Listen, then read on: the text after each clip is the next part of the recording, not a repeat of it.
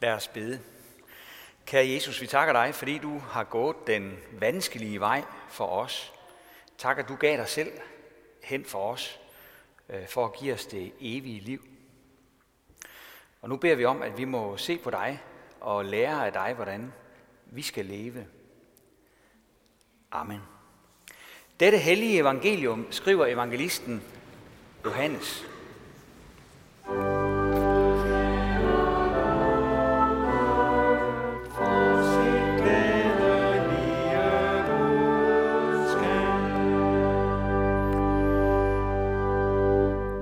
Jesus svarede disciplene, timen er kommet, da menneskesønnen skal herliggøres.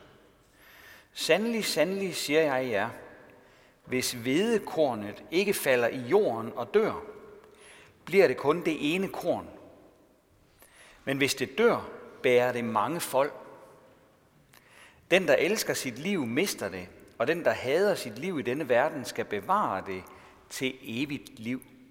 Den, der tjener mig, skal følge mig, og hvor jeg er, der skal også min tjener være.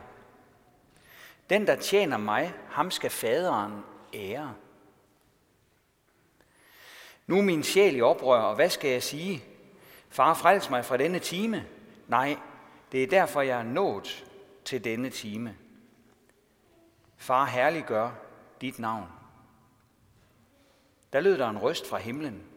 Jeg har herliggjort det, og jeg vil atter herliggøre det. Folkeskaren, som stod der og hørte det, sagde, at det var torden. Andre sagde, en engel talte til ham. Jesus sagde til dem, den røst lød ikke for min skyld, men for jeres skyld. Nu fældes der dom over denne verden. Nu skal denne verdens fyrste jages ud. Og når jeg er blevet ophøjet fra jorden, vil jeg drage alle til mig. Det sagde han og betegnede dermed, hvordan han skulle dø. Amen.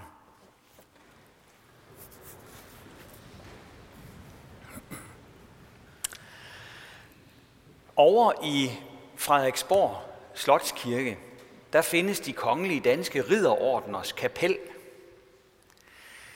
Danmark er sammen med Storbritannien og Sverige de eneste lande, hvor traditionen med riddere stadig lever. I kapellet der har ridderne af Elefantordnen og Dannebroordnen deres våbenskjolde hængende, som man kan komme ind og se på. Og på skjoldene står der valgsprog. Det er spændende at se, hvilke valgsprog ridderne har valgt. På Mærsk McKinney Møllers kunne man tro, at der stod noget med rettidig omhu. Men det gør der ikke. Hans motto, som også var hans fars, lyder på latin per aspera ad astra og det betyder gennem vanskeligheder til stjernerne. Den gamle erhvervsmand sagde engang, at vejen havde været nok så brydsom, men hver gang der var problemer, tænkte han på sin far, der sagde, Mærsk, ingen har lovet dig, at det vil være let. Ingen har lovet dig, at det vil være let. Sådan kunne Jesus også have sagt til de grækere, der kom og gerne ville møde ham – Læser vi sammenhængen for dagens prædiketekst, så finder vi ud af, at teksten er en del af den introduktion, som Jesus giver til nogle ikke-jøder, der opsøger ham. Det drejer sig altså om nogle interesserede grækere, som har fået fat i disciplen Filip og sagt til ham, at de gerne vil se Jesus. Det hænger godt sammen, at det netop er Filip, de spørger, for han og den anden disciple Andreas, der også bliver involveret i forløbet her, kom begge to fra Bethsaida, får vi at vide. Og Bethsaida var en by, der lå uden for det rent jødiske område, og deroppe talte man græsk. Så de kunne forstå hinanden. Det er bare sådan en lille detalje i evangeliet, som vi måske ikke lægger mærke til, men som understreger, at evangeliet fortæller en sand historie fra den virkelige verden. Tager man en uh, tur i helikopteren hen over Johannes evangeliet, så kan man se, at situationen her falder på et tidspunkt, hvor Jesus er ved at gå ligesom fra en fase i sit liv til den næste fase. Han siger, at timen nu er kommet, hvor han skal herliggøres. Det er lige om hjørnet. Vi er i kapitel 12. Jesus han har gjort den lange række af skønne mirakler og demonstreret for mennesker, hvem han er, hele den del af evangeliebogen, der handler om tegnene og debatterne om, hvem Jesus er, den slutter her. Og så allerede i næste kapitel fra kapitel 13 og fremad, der handler det om Jesu herlighed, eller om hans ophøjelse, som han selv kalder det. Der ligger et grumt ordspil i det udtryk, for han skal ophøjes på mere end en måde. Ved sin opstandelse, der skal han ophøjes som den, der besejrer døden. Senere ved sin himmelfart, der skal han ophøjes til Guds tronsal og sidde ved faderens højre hånd. Men inden da, der skal han ophøjes på en pervers og sadistisk måde. Han skal ophøjes rent fysisk ved at blive hejst op på en slags pæl og hænge der, indtil han dør af det. Og nu, lige før det skal ske, der fortæller Jesus om det rent ud. Han skjuler ikke sin egen død, men han taler konkret om den. Både disciplene og grækerne, der er på udflugt den dag, får ren besked. Jeg skal dø først, for at min mission den kan blive fuldført. Gør jeg ikke det, så er der, så er der kun mig, der redder livet. Men der er mange, mange flere, der skal redde livet, siger Jesus. Uoverskueligt mange skal redde livet på grund af det, som han skal gøre. Han skal dø som vedekornen, der bliver sået i jorden. Han skal gå til, han skal gå til grunde, for at der kan komme frugt ud af det alt sammen. Det skal skæbe i Guds tønde en dag, fordi Jesus gør det her. Guds lade skal blive fyldt en dag på grund af det. Det er meningen med det. Og det er det, Jesus vil. Jesus forklarer, at hans død ikke er noget uheld. Han dør ikke, fordi ja, døden alligevel bare ender med at tage alle. Nej, når han skal dø, forklarer Jesus, så er der en dybere mening med det. Hans død skal blive til nyt liv for en utrolig masse andre. Ligesom det døde såkorn eller den døde kartoffel nede i jorden giver liv til en masse ny afgrøde, der så kan spire frem og vokse. Der skal komme en masse ud af det. Det er sandheden om hans egen død. Det er gådefuldt at høre, men også godt at høre, selvom det må have været chokerende for disciplene, at han talte så lige fremt om sin snarlige død. Men der er også noget mere, der skal dø. Jesus fortæller om det i samme ombæring. Både disciplene og de interesserede gæster får det at høre.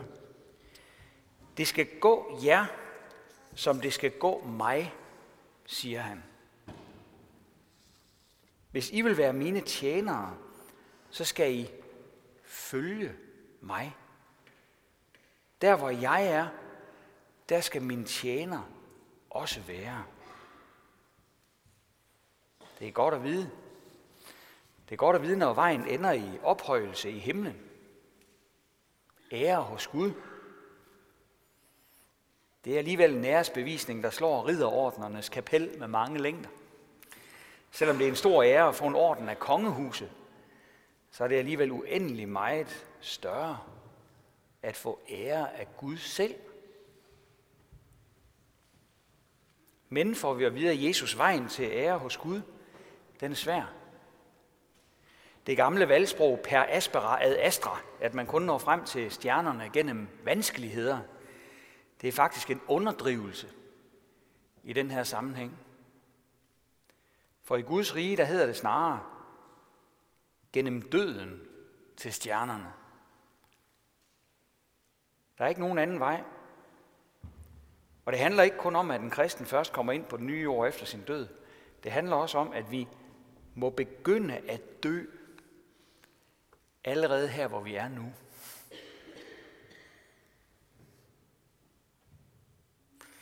Der er simpelthen noget i os, som må begynde at dø. Der er et kors, der må tages op, og der er noget i os, som vi må have og fornægte. Noget, som må kvæles og afgå ved døden, før vi kan komme ind i Guds rige. Hvedekornen er på den måde ikke bare et billede på Jesus, men også et billede på os, der følger ham. Hvis vi altså følger ham. Hvor jeg er, skal også min tjener være. Den, der tjener mig, skal også følge mig, siger Jesus. Den gamle lutherske biskop Johan Arndt, han levede i 1600-tallet. Han sagde, Jesus har mange tilhængere, men få efterfølgere.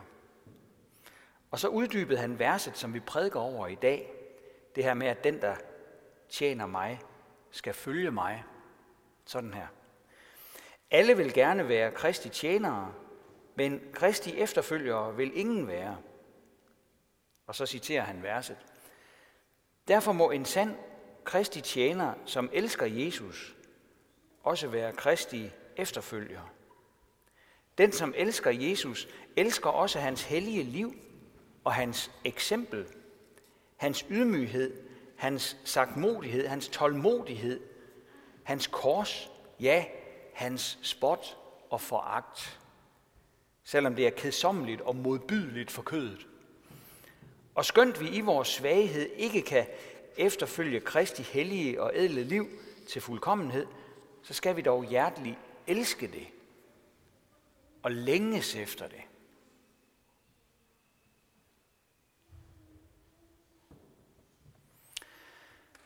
Mange her i verden skammer sig ved Jesus. Måske de fleste danskere gør det. Skammer sig ved Jesus. Alle mulige religioner er spændende at tale om, og nej, er du begyndt at interessere dig for den religion, og er du begyndt at meditere på den måde, og går du op i den filosofi? Nej, hvor interessant. Men når nogen træder frem og bekender, at de er blevet kristne, simpelthen kristne, så tager man sig til hovedet. Se bare, hvordan Kasper Christensen han må knokle med arme og ben for at forsøge at forklare mennesker, at han ikke er blevet tosset. Altså folk tror simpelthen, at han er blevet tosset. I EU der kan man heller ikke blive kommissær, hvis man er for åben om almindelig kristendom. Det så vi for nogle år siden. Man må have alle mulige religioner inden for systemet, bare man ikke er kristen, sådan i gammeldags forstand. Det er åbenlyst diskrimination. Og hvorfor er det sådan? Det er det, fordi mennesker skammer sig over Jesu ydmyghed. At han var så fornedret. At han fandt sig i så meget. At han lod andre træde på sig. At han gik frivilligt på korset. At han vaskede disciplernes sure tær. At han lod sig spytte på. Frivilligt. Jesus viste os det fuldkommende, ydmyge liv. Og verden skammer sig over ham. Det er. Han tager selv problemet op i Markus kapitel 8, hvor han siger, at den, som skammer sig ved ham og hans ord, i denne utro, altså horerne og syndige slægt, vil han også skamme sig over, når han kommer igen for at dømme levende og døde. Man vil jævnt hen gerne have en Jesus, der er ligesom verden er. En populær Jesus i verdens billede, lige efter tidsåndens opskrift. Men man vil ikke have en Jesus, der er fattig, ydmyg og foragtet. Ham vil man ikke følge efter. Og derfor vil han en dag sige til mange, jeg kender jer ikke. I vil ikke kende mig i min ydmyghed. Så vil jeg heller ikke kende jer i jeres stolthed.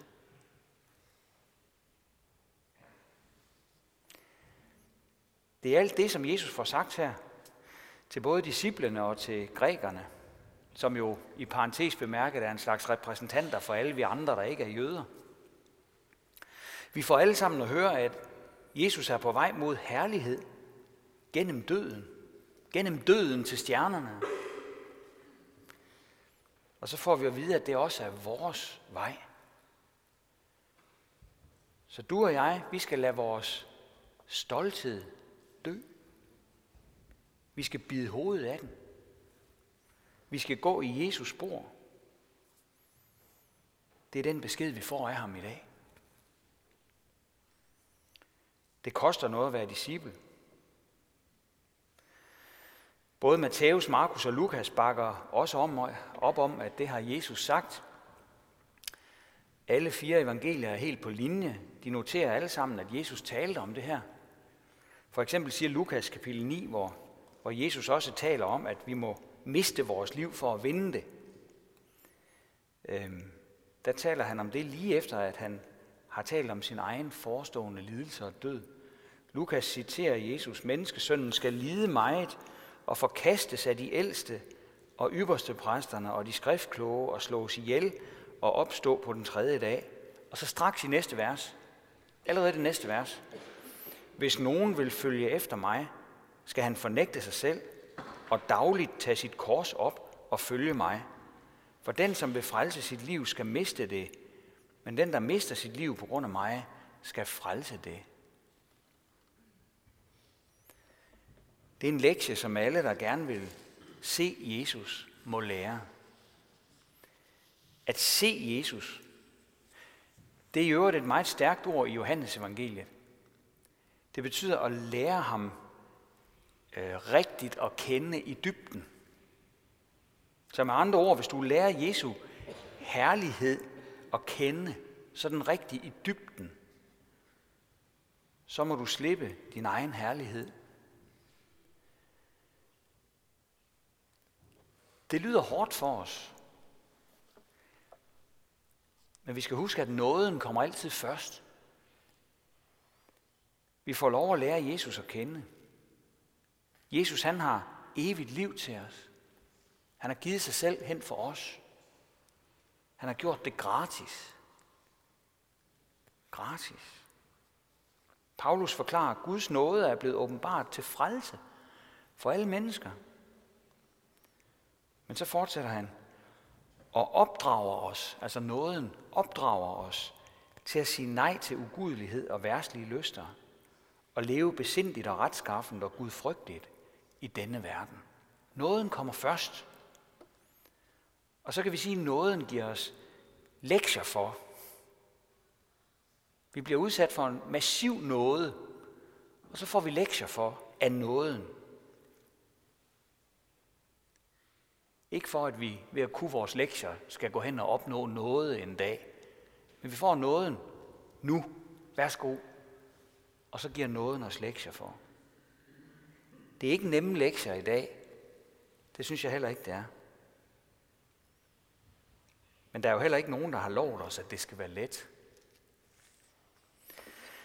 Ære være faderen og sønnen og helligånden, som det var i begyndelsen, så også nu og altid og i al evighed. Amen.